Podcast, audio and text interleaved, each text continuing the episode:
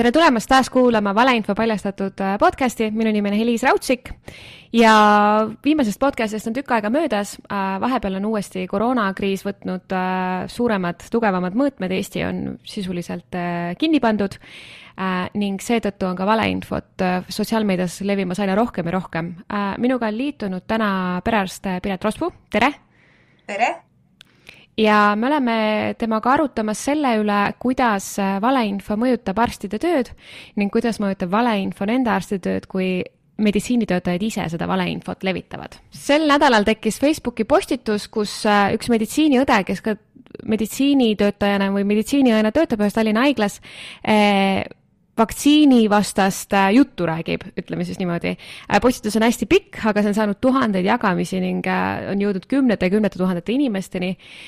ning paljud inimesed võtavad seda tõe pähe. ma kõigepealt küsikski Pireti käest, et kas sa oled seda postitust näinud ja millise emotsiooniga sa seda esialgu vaatasid? Äh, mina olen üks nendest klikkidest kümnetest tuhandest, kes seda on käinud vaatamas, aga ma ütlen ausalt, et minu jaoks oli see liiga pikk ja kuna see sisu ei olnud mulle super palju huvi pakkuv, ma ei, ma ei näinud, et ma sealt nagu midagi huvitavat ja vajalikku enda jaoks saaksin, siis äh, pärast paari esimese lõigu lugemist ma lihtsalt scroll isin lõpuni, et vaadata, kui pikk see siis tegelikult on. Sain aru, et ma olin pooleli jättes teinud õige otsuse ja ja tegelikult äh, ma arvan, et äh, paljud nendest kümnetest tuhandetest äh, sinna päris lõpuni ei jõudnud. ometigi äh, see on selles suhtes eriline postitus, kuna see on esimene mm, Eesti nii-öelda meditsiinitöötaja, esi, Eesti esimese nii-öelda meditsiinivaldkonna esindaja postitus, kes siis nii-öelda õhutab seda vaktsiinivastasust ja valeinfo levitajate osapoolt äh, milline see reaktsioon on olnud äh, arstidel ja õdedel ja meditsiinipersonalil sellisele inimesele, kes äh, meditsiinisüsteemi lõhestab ja, ja õõnestab? no ma ei saa kogu, kogu meedikute kõikide eest rääkida, eks ole, et see need reaktsioonid, mis on minu ringkondades olnud, on lihtsalt see, et oh my god, kas sa seda nägid ja kõik hoiavad kahe käega peast kinni, et mis asi see veel on. ja ma tean, et äh, mõned inimesed on sellest postitusest raporteerinud selle inimese tööandjat, et kuulge, teie, eh, teie majas teie majas, mis on pilgeni Covidi haigeid täis ja kuhu enam Covidi haiged sisse ei mahu. Teie enda majas on inimene, kes töötab teile vastu me võtame mõned jupid sellest postitusest ette, äh, kuna faktikontrollina ta on äh, liiga pikk ja liiga, ta on liiga emotsionaalne ka kohati, et tema, temas on sellised äh, tunnetuslikud väited, mida faktikontrollida on keeruline, aga sellegipoolest Piret aitab mul mõned neist üle vaadata. näiteks väidetakse selles postituses, et meditsiini ja töötajad ei raporteeri vaktsiinide kõrvalmõjusid täiel määral. et paljud kõrvalmõjud, mis on siis koroonavaktsiinil olnud, jäävad teavitamata. kas see on nii? Jah, see on nii sest et äh, me ei raporteeri neid kõrvaltoimeid, mis on vaktsiinide teadaolevad kõrvaltoimed ja mis on kerge ja keskmise raskusega kõrvaltoimed. Äh, küll aga ma usun, et tänaseks juba kõik äh, kõik vaktsineerivad, vähemasti perearstid, on mõne raporti teinud, sest me enam-vähem oleme teinud kokkuleppe, piisava tõsisus, piisava tõsidusega kõrvaltoimeks me loeme neid mis vajavad töövõimetuslehe võtmist ja, ja noh, ütleme see kolm päeva kestev palavik, mida me küll teame, et võib tekkida, eks ole. aga et kui inimene võtab töövõimetuslehe, siis me ikkagi oleme leppinud kokku, et me selle raporteerime. ja, ja tegelikult seda on väga kenasti ka näha, et seal iganädalastes kõrvaltoimete kokkuvõtetes ju tegelikult kõige sagedasem loetelu on nendest teadaolevatest kõrvaltoimetest ja, ja kindlasti meil on kohustus juba enne koroonavaktsiinide tulekut on see juba ma tegelikult ei tea, kui kaua, nii kaua kui mina õppinud olen ja ravimitega kokku puutunud, igatahes on kogu aeg see kohustus olnud, et rasketest arvatavatest ravimitega või vaktsiinidega seotud kõrvaltoimetest, mida arst hindab, et võib olla võimalik seos, et nendest on meil tegelikult olnud kohustus raporteerida. ma nüüd küsin üle sellise väga ilmselge küsimuse lihtsalt, et selge oleks, kas nendest kõrvaltoimetest teavitab siis arst või kui mina saan vaktsiini, saan ma ise ka sellest teada kuskile anda? mõlemad et äh, arstil on kohustus teavitada nendest kõrvaltoimetest, mis, mida, mis arsti hinnangul on selle ravimiga või vaktsiiniga seotud. kui inimesel on teine tunne, näiteks selline mingi, mis iganes tal tekib, haigestumine või reaktsioon või, või tunne, äh, mida arst ütleb, et ei, see ei saa sellega seotud olla, aga inimene arvab, et on, siis inimesel endal on võimalus, selleks on täiesti Ravimiameti leheküljel vabalt ligipääsetav eraldi koht selle jaoks ja on võimalik sinna teavitust saata mm. -hmm. Lähme edasi järgmise väiteni, mis postituses väidetakse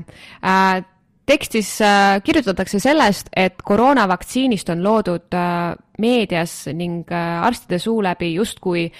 jumalus, mis päästab kogu maailma ehm,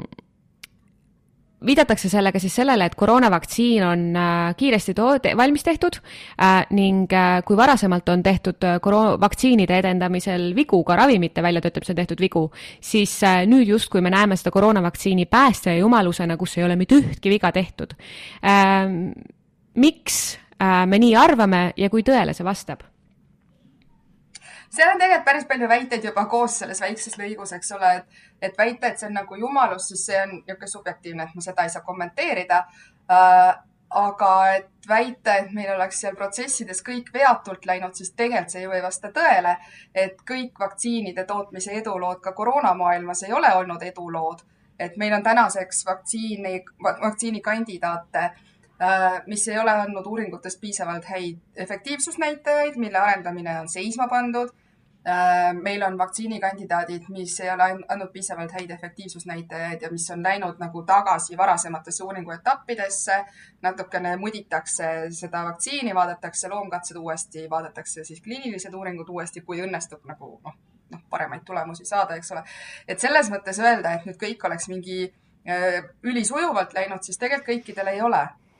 või siis seesama AstraZeneca vaktsiin või Jansseni vaktsiin, mille puhul äh, see on standardprotseduur, et kui mingi tõsine asi äh, uuringu inimestel juhtub, siis võetakse uuring korraks seisma äh,, võetakse lahti siis äh, äh kõigepealt võetakse pimendamine maha, vaadatakse, kas see inimene sai vaktsiini või ta sai platseeb, platseebot või nagu võrdlus, võrdlusravimit midagi äh,.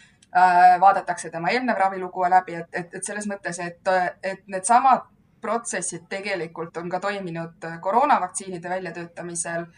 Äh, minu arust, kas Jansseni vaktsiini uuringus keegi sai insuldi, äh, mida hinnati, et ei olnud vaktsineerimisega seotud. AstraZeneca vaktsiini uuringus üks inimene suri ära, pärast pimendamist selgus, et tema ei olnud koroonavaktsiini saanud. ühel inimesel tekkis skleroosis multiplex või hulgiskleroos tema andmeid lahti võttes tegelikult selgus, et äh, needsamad haigusele viitavad kolded olid tal juba varasematel ajupiltidel näha, et seal ja see mingi üks inimene, kellel tekkis seljaajupõletik, äh, seda hinnati, et tõenäoliselt ei olnud vaktsiiniga seotud. et, et tegelikult nagu need, need ei ole olnud mingid jube sujuvad, et, et, et kõik läheb nagu umbes nagu mingi ettekirjutatud stsenaariumi järgi, need on läinud tegelikult päriselu stsenaariumite järgi, kus igasuguseid asju juhtub ja, ja see on ka üks põhjus, miks tegelikult alguses arvati, et AstraZeneca vaktsiin tuleb kõige esimesena välja ja kõik panid oma kaardid nagu põhiliselt selle peale.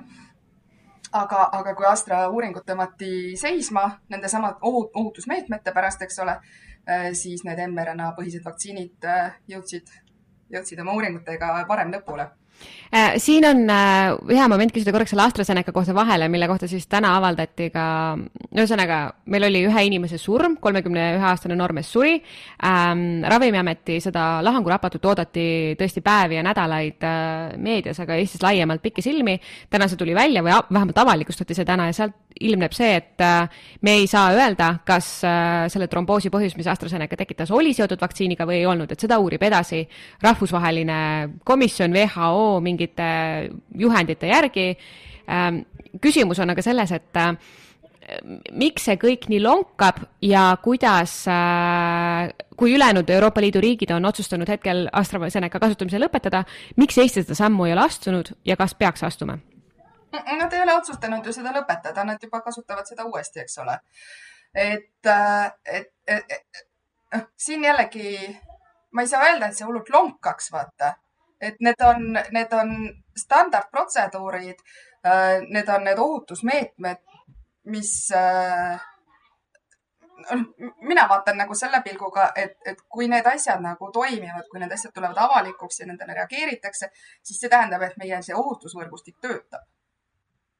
eks ju. et, äh, et imelik oleks see, kui mingid sündmused toimuvad, võib-olla mingid kuulujutud levivad meieni, aga, aga me ei kuule sellest nagu ametlikke kanaleid pidi ja sellest, seda nagu ignoreeritakse, et see tekitaks minus nagu väga suurt ärevust. aga see, kui need protsessid toimuvad ja, ja neid uuritakse ja analüüsitakse, see nagu annab kindlustunnet, et kui sealt tulevad mingisugused otsused või mingisugused soovitud, siis need soovitused, et nendel on ikkagi mingisugused teadmised ja numbrid taga. jah, vastasid ikka ähm,. Minu küsimus on võib-olla seotud natuke nagu pigem ka sellega, et äh, mina ei tea, aga ma ei ole ka meditsiinitöötaja ja, ja minu võib-olla lihtsalt meediamälu ei ole ka ajalooliselt nii pikk. Et kas on üldse varasemalt olnud aega, kus inimesed, üksikud indiviidid, kellel ei ole mitte mingit meditsiiniharidust, mitte mingit tausta selles valdkonnas äh,, nii süvitsi kütavad ennast üles ja viivad ennast kurssi, kuidas kõrvaltoimete raporteerimine käib, kes seal otsustab selle üle, kuidas käib lahangu tulemuste äh, teavitamine. kas sellist asja on varem ka olnud ja kas see on tegelikult probleem, et kõik on eksperdid, kuidas arstid seda hetkel tajuvad? tead, ega minu mälu ka nii väga palju pikem ei ole, eks ju. et üks tõsisemaid asju, mida mina mäletan, on äh, kui ühte uut bioloogilist ravimit katsetati Prantsusmaal ja esimese faasi kliinilises uuringus, kas äkki mingi seitse või kaheksa inimest said seda ja siis nendest umbes kas kolm või neli Äh, läksid nagu hästi kiiresti said mingid reaktsioonid, vist üks või kaks surid ära ja mõned vajasid intensiivravi ja niimoodi nagu läks mitmel noorel tervel inimesel noh, tõsiselt pekki. pärast mida siis neid äh, kliiniliste uuringute protokolle tegelikult uuendati, et niimoodi ei tohi teha, et palju inimesi korraga saavad uut rohtu, vaid see tuleb niimoodi teha üks ja siis nagu teine, eks ole, et, et kui nii kui mingi signaal tekib, et siis meil ei ole nagu ühes jamas mitu inimest korraga, vaid, vaid nagu need ohud on nagu veel madalamaks viidud, eks ju. Uh, nüüd see küsimus, et kas,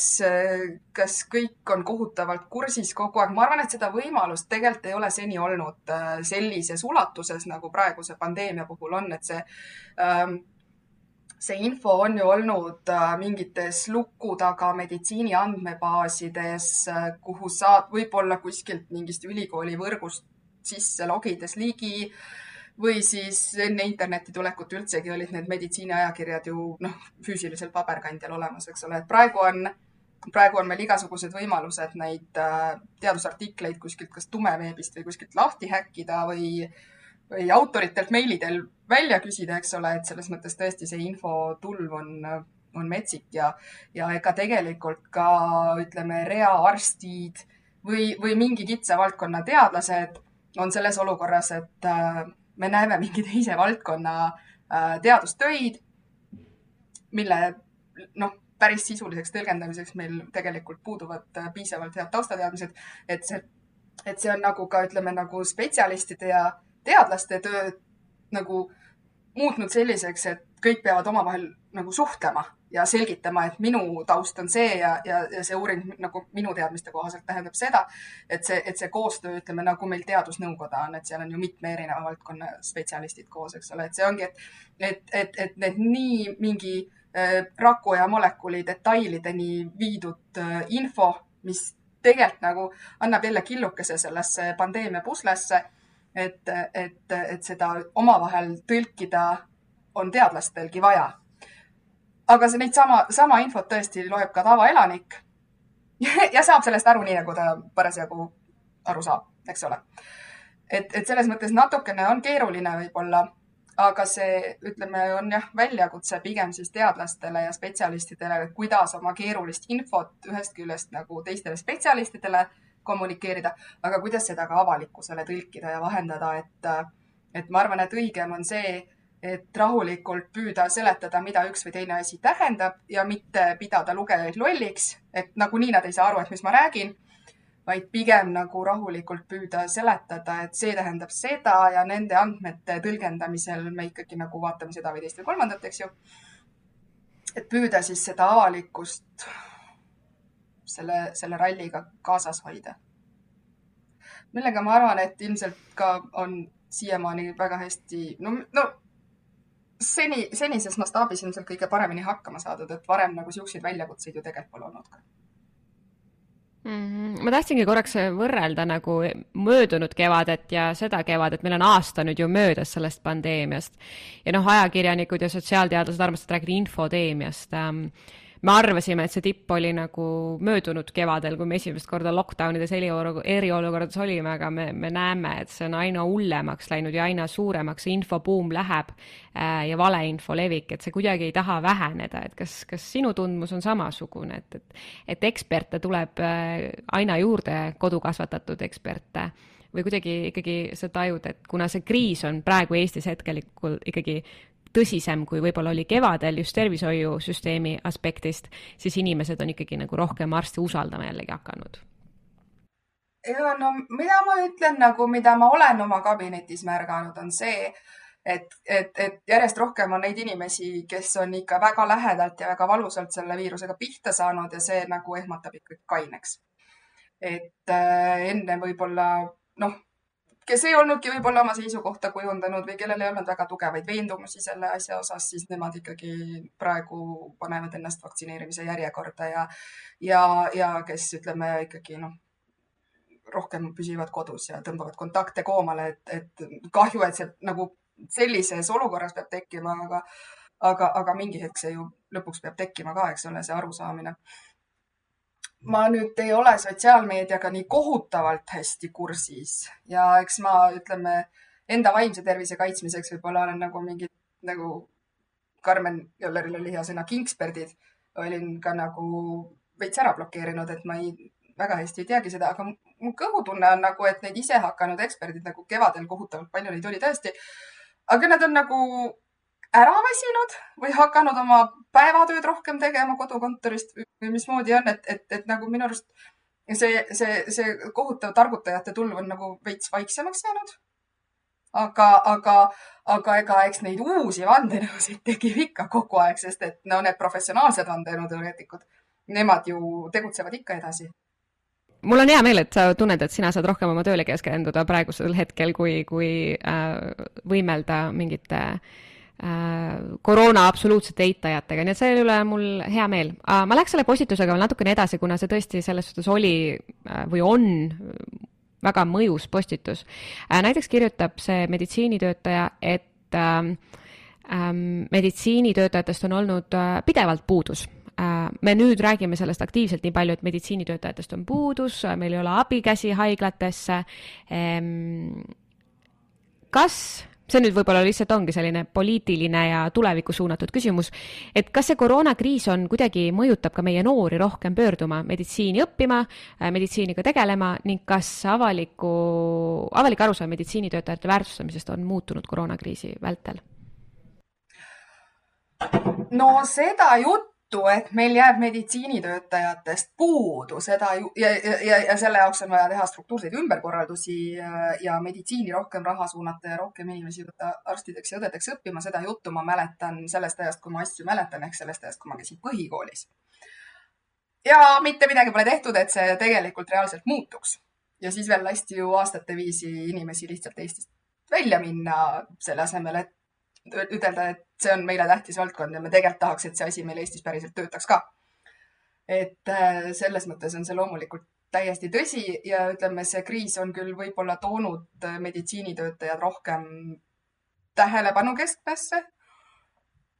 mul on hea meel, et, et selle kriisiga seoses on arstid ja teadlased muutunud nagu veits nagu suunamudijateks või arvamusliidriteks, kelle arvamust päriselt ka nagu küsitakse ja kuulatakse ja et meil on piisavalt palju teadlasi ja, ja, ja tarku arste, kes äh, oma, oma niigi pingeliste päevade eest, seest leiavad veel need mõned, mõned ajad, et,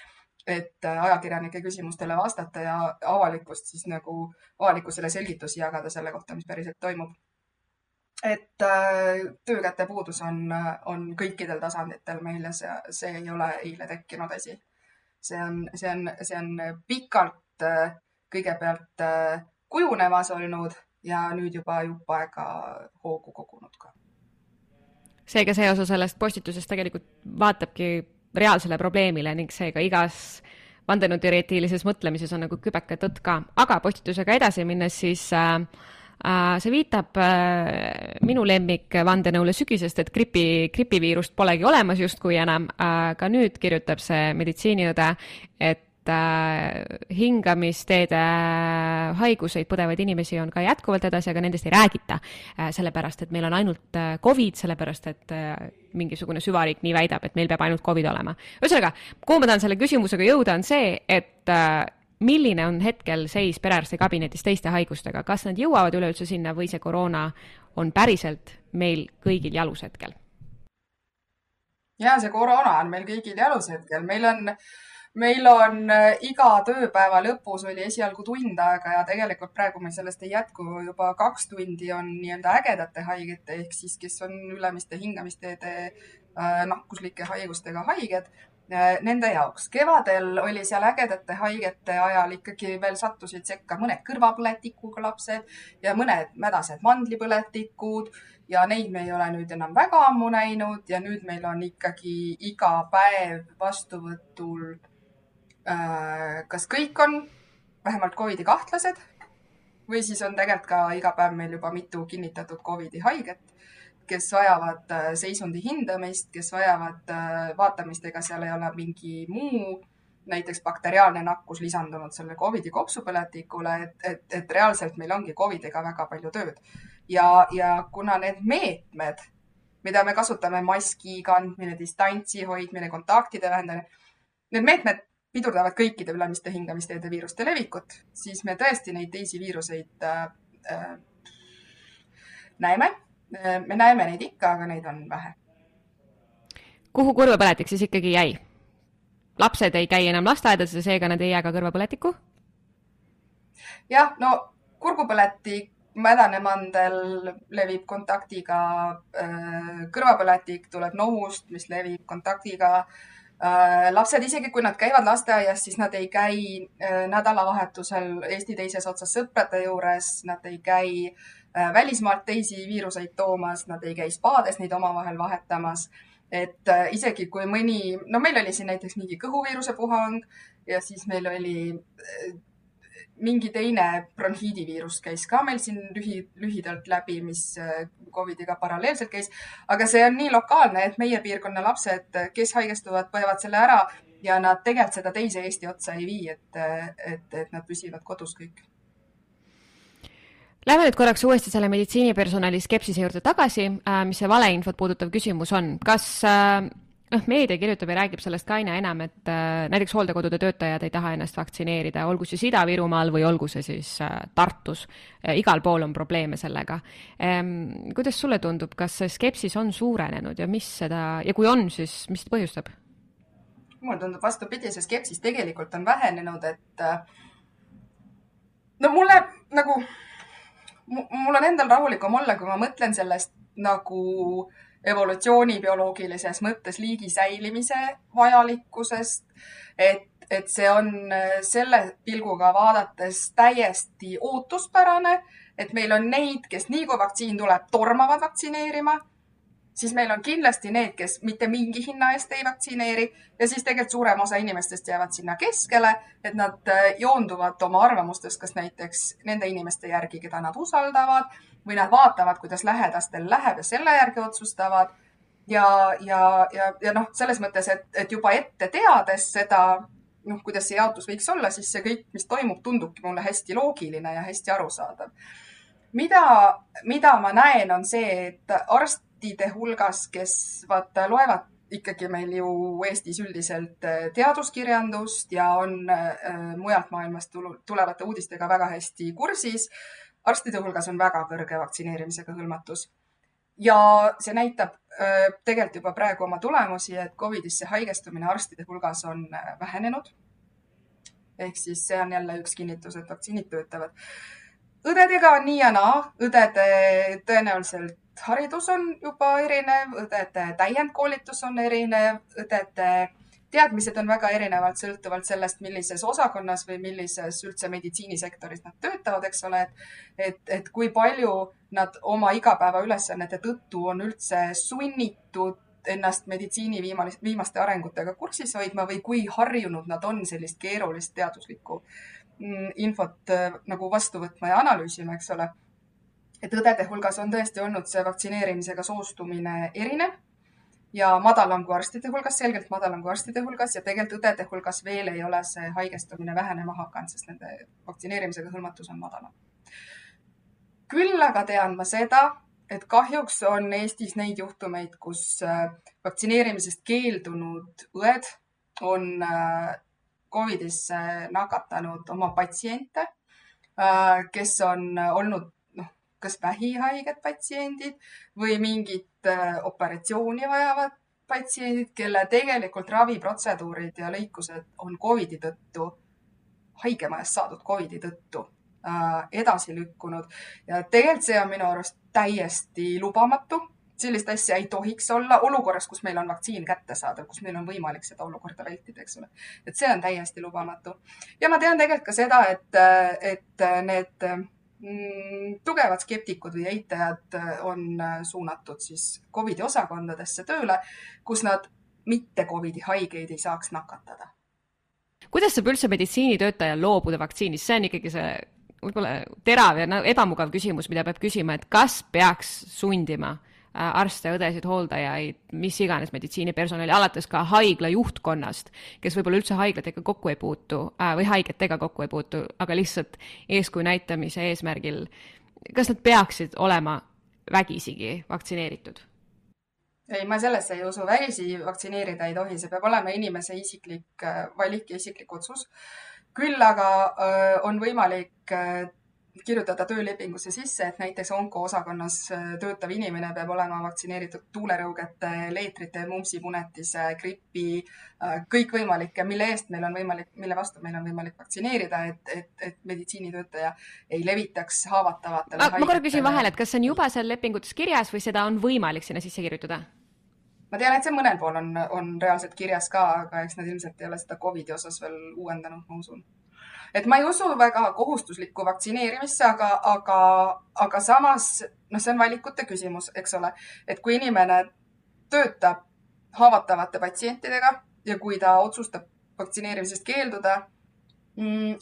siis on võimalik ju teha nii, et äh, ta mingi teatava intervalliga on kohustatud ennast Covidi suhtes testima ja see ei pea olema tööandja ülesanne neid kinni maksta, neid teste või siis üle viia teise osakonda teist tööd tegema. või siis äh, noh, seal on nagu teised, teised võimalused, et, et, et haigla juhtkonna ja osakonnajuhtide ülesanne kindlasti on väga hoolikalt läbi mõelda see, kuidas haigla ei oleks patsiendile ohtlik koht, sest paratamatult haiglad oma haiglabakterite ja, ja, ja ütleme, väiksele pinnale kokku toodud paljude inimestega on, on niigi niisugune eripärane koht meil siin ilmas siit me jõuamegi selle küsimuseni, mis AstraZeneca ja praegult meediat põletab, kuigi neid äh, vaktsiine, nagu sa just enne alguses ütlesid, ka on veel ja neid on tulemas veel. Ähm, kas AstraZeneca vahel äh, hetkel äh, ju patsient valida ei saa ja töötaja samamoodi? ei saa, ei saa valida, sest et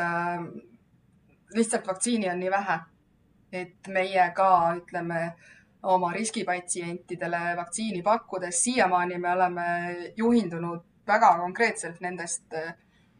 valmusepiirangutest, mis meil olid ja siis tuli see tromboosiriski piirang, mis meil oli ja siis me selekteerisime, et keda lihtsalt noh, et meil on ühel nädalal ühte ja teisel nädalal teist vaktsiini ja sellele nädalale, keda me siis tohime kutsuda. või kes meil selles nimekirjas on ja hakkasime järjest kutsuma, et selles mõttes, et et äh, meil on seal patsiendid, kellel on, et ainult AstraZenecat või ainult Pfizerit või ainult Modernat, aga siis läheb sinna see märge taha, et ainult see ja, ja tema juurde me tegelikult niipea tagasi ei jõua, sest et nimekiri on väga pikk ja meil on rida inimesi, kellele veel ei ole üldse vaktsiini pakutud. et siis, et siis need inimesed, kes praegu pakutavast vaktsiinist keelduvad, mul pole õrna aimugi, kui kaua nad peavad ootama, et nendel üldse nagu see uus pakkuminegi tuleks. kui paljud patsiendid sinu nimekirjas on loobunud? ma ei ole täpset statistikat teinud. Äh, neid keeldujaid on ja on ka mitmetel taga see märge, et võib-olla kevade poole. et need on vaata see evolutsiooni mõttes on need, kes vaatavad, mis teistega saab, eks ole. kas on mürgine seen või mitte, kas tasub süüa või mitte, et, et, et, et on terve rida neid aga, aga täna just äh, pereõde kes jällegi helistas ja patsiente vaktsineerima kutsus, ütles, et tal oli järjest mitu meesterahvast, kes lihtsalt olid hullult rõõmsad, et neile helistati, nad ei küsinud üldse, mis vaktsiin on, nad lihtsalt küsisid, mis kell ma pean tulema ja kuhu. et see, et see äh, inimesed ikkagi ootavad seda ja, ja, ja väga palju ei kapriisitse ka minu meelest oli see tähtis sõnum, mida mina näiteks varem ei teadnud, on see, et noh, et kui tromboosi oht juba on äh, inimesel või tal on see oht, siis te juba talle ei paku seda eelduslikult või noh, ühesõnaga AstraZenecat talle ei pakuta. vaat, vaat see soovitus läks juba maha. et pärast seda, kui eile oli see Euroopa Ravimiameti raport, mm, pärast seda kogunes äh, Eestis ka immunoprofülaktika ekspertkomisjon ja see tromboosiohu äh, soovitus läks maha ja, ja tegelikult praegu tuli asemele või nagu mitte tuli asemele, vaid äh, kuidas ma ütlen, et see luba üle seitsmekümne aastastele vaktsiin, seda AstraZeneca vaktsiini teha, see luba oli meil juba eelmisest nädalast ja me oleme seda kasutanud. me oleme lihtsalt sellest üle seitsmekümneste grupist välja jätnud tõesti need tromboosiriskiga patsiendid. Aga kuna see Euroopa Ravimiameti raport tegelikult ütles, et tromboosi tekkimise osas ei ole vahet, kas oled vaktsineeritud või mitte vaktsineeritud siis nüüd me võime kõikidele vanemaealistele seda pakkuda ja, ja, ja AstraZeneca on üks võimalus, kuidas kiiremini riskipatsiendid lihtsalt vaktsineeritud saada äh,. tromboosist rääkides ma tahaks niisuguse püstiala faktikontrolli mõttes küsida ka seda, et äh, internetis ringleb teadaanne, et, et naised ehk siis pool elanikkonnast naistele on ohtlikum rasedus äh, või rasestamisvastaste vahendite tarvitamine, mis võib suurema tõenäosusega tromboosi põhjustada kui, kui kas AstraZeneca vaktsiin või üleüldse mõni teine vaktsiin. kuidas sellega on? ja et vaktsiinid ei tekita tromboosi, eks ju, et see nüüd praegu on see Euroopa Ravimiameti suurte inimhulkade analüüs, mis ütleb, et tegelikult äh, tromboosi risk on ühtemoodi, kas inimene on vaktsineeritud või ta on vaktsineerimata. ja kas ta on mees või naine. et selles mõttes mingit seda soolist eristust me ka ei tee. seal on see need üliharuldased, mille osas ei ole analüüsid veel lõppenud. see kaks, kaks niisugust haruldast sündroomi, üks oli äh, trombide teke koos trombotsütopeeniaga ehk siis hüübimisrakkude vähesusega. Et ühest küljest hüübimisrakke on liiga vähe, mis ta nagu teeks verejooksude suhtes vastuvõtlikuks, aga paradoksaalsel kombel nendel inimestel tekivad trombid. Neid inimesi on olnud seitse nende miljonite vaktsineeritute hulgas ja teine sündroom, mille osas nad praegu veel analüüsivad, on ajuveenide tromboos ja neid inimesi on kaheksateist nendest miljonitest. et neid kahte haruldast sündroomi praegu veel ei ole lõplikku seisukohta, kas kuidagi nad on selle AstraZeneca vaktsiiniga, võivad olla seotud või mitte, et selle osas veel need analüüsid kestavad edasi. aga kõik muud süvaveenitromboos, kopsuarteri trombemboolia, hormoonasendusravi kasutamine, kõik need asjad, mis meil olid seal selles esialgses listis, eks ole äh,. Nende osas on, on see analüüs selge äh,. vaktsineerida või mitte, see risk on ühesugune lõpetuseks äh, ma korraks hüppaksin äh, tagasi selle juurde, mis sa rääkisid, et äh, et väga palju peavad teadlased ja arstid ja, ja sina ise tegelete avaliku kommunikatsiooniga, et te olete PR-töötajad rohkem kui, kui meditsiinitöötajad suuresti, kuna teil on nii suur vajadus selgitada avalikkusele, mis nende keeruliste meditsiiniterminite taga on. ühesõnaga Irja Lutsar ütles Päevalehes, Päevalehel intervjuus tänases lehes, et äh, Eesti meedias me räägime liiga palju vaktsiinivastastest. kas see on ka sinu tunnetus? ma ei, mul ei ole nagu väga selget seisukohta isegi selle suhtes, et, et äh, ma tean, et nagu meediale on hästi atraktiivne selline formaat nagu mingi väitlus või noh, sarnane nagu mingi loo, lobjakas versus Vooglaid on või Vooglaid versus Lobjakas või mingi, noh, et paneme kaks nagu mingit hästi äärmuslast kätsima ja siis vaatame, mis saab, eks ole, ja nad tahavad kangesti seda nagu meditsiini osas ka teha, et vaktsineerimisvastane ja teadlane või et koroona eitaja ja arst või mingeid selliseid, aga, aga ma nagu jah, selles mõttes ma olen seda meelt, et nendele äärmuslikele meditsiini ja tervisega seotud vandenõudele tegelikult ei peaks nii palju eetriruumi andma. et, et isegi kui,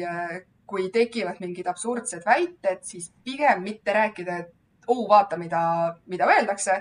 vaid pigem nagu öelda, selgitada seda nagu lihtsat bioloogiat või lihtsalt nagu mingit haiguste tekkemehhanisme või mis iganes seal parasjagu vajalik on, et kuidas asjad tekivad või miks me ühest või teisest asjast niipidi aru saame. et, äh, et noh, üks asi on see, kui tuleb mingi konkreetne valeväide, eks ole, faktikontroll teeb selle konkreetsele väitele äh, analüüsi ja siis ütleb, et noh, osaliselt tõsi või mis teil on seal need vastused, et vale ja eksitav ja eks ole, et, et, et noh, lühidalt see ära teha, aga siis, aga siis nagu pigem mitte minna seda teed, et kogu aeg hakata siis jälle ketrama, et ja kas siis ikka koroona on olemas või kas siis ikka koroona on ohtlikum või kui gripp või mingeid siukseid asju.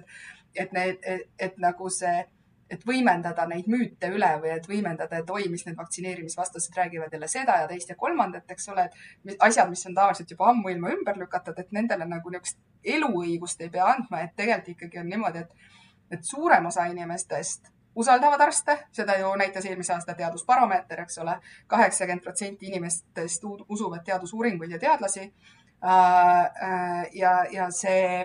ja see väike hulk inimesi, kes väga veendunult on mingid vandenõuteoreetikud või vastased, nad on väga väike, väga väike protsent, sihuke nagu, noh, ma ei ütle. Et neid on väga väike protsent ja, ja nad tegelikult ei peaks üldse avalikku arvamust nii palju mõjutama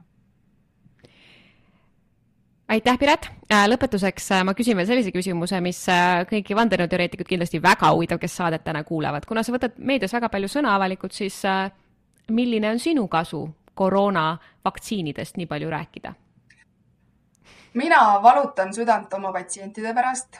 keda ma tunnen kümme aastat ja natuke peale ja kes on tegelikult mulle nagu oma vanemad ja oma vanaisad, kes, kes tõesti nagu tulevad vastuvõtule ja küsivad, kuidas mul läheb ja kuidas mu lapsel läheb. see on, see on tegelikult selle perearstinduse mõte üldse, et see side, mis tekib arsti ja tema patsiendi vahel ja see nagu kauakestev, see Äh, see, et ma tean, kuidas nad asjadest räägivad, ma tean ette, millest nad räägivad ja kui nad midagi väga teistsugust räägivad, siis see minu jaoks on alarmeeriv juba. see on see Eesti perearstinduse mõte ja seesama äh, meil oma keskuses vaktsiine jagades on see, et, et tegelikult iga arst seisab oma patsientide eest ja kui meil on see tühi, tühjad ajad või keegi mis iganes põhjusel ei saa kohe tulla, äh, noh, siis meil reaalselt käivad ka nagu erinevate nimistute õed äh, selle helistaja juures ütlevad, ära meie nimistu patsiente nüüd välja jäta või niiviisi, et, et, et me kõik seisame oma patsientide eest ja see töö, mida ma teen, see on tegelikult kõige, kõige rohkem, mida ma mõtlen, on minu enda patsiendid. aitäh. aitäh. nüüd on outro, tu-tu-tu-tu-tu